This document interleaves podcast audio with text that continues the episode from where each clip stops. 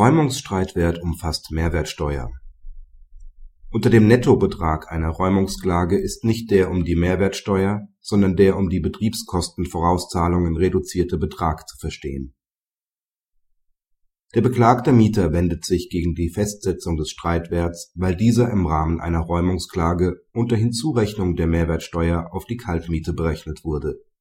Damit bleibt er vor dem OLG-Zelle erfolglos der Streitwert orientiert sich an den Vorgaben des § 41 Absatz 1 Satz 2 Gerichtskostengesetz.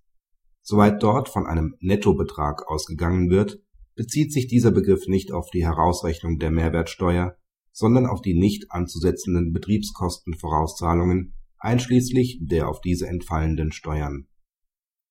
Praxishinweis Die Entscheidung entspricht einer im Vordringen befindlichen obergerichtlichen Rechtsprechung die Herausrechnung der Betriebskosten ist zwar systemwidrig, da diese ebenso wie die Mehrwertsteuer einen Durchlaufposten beim Vermieter darstellen.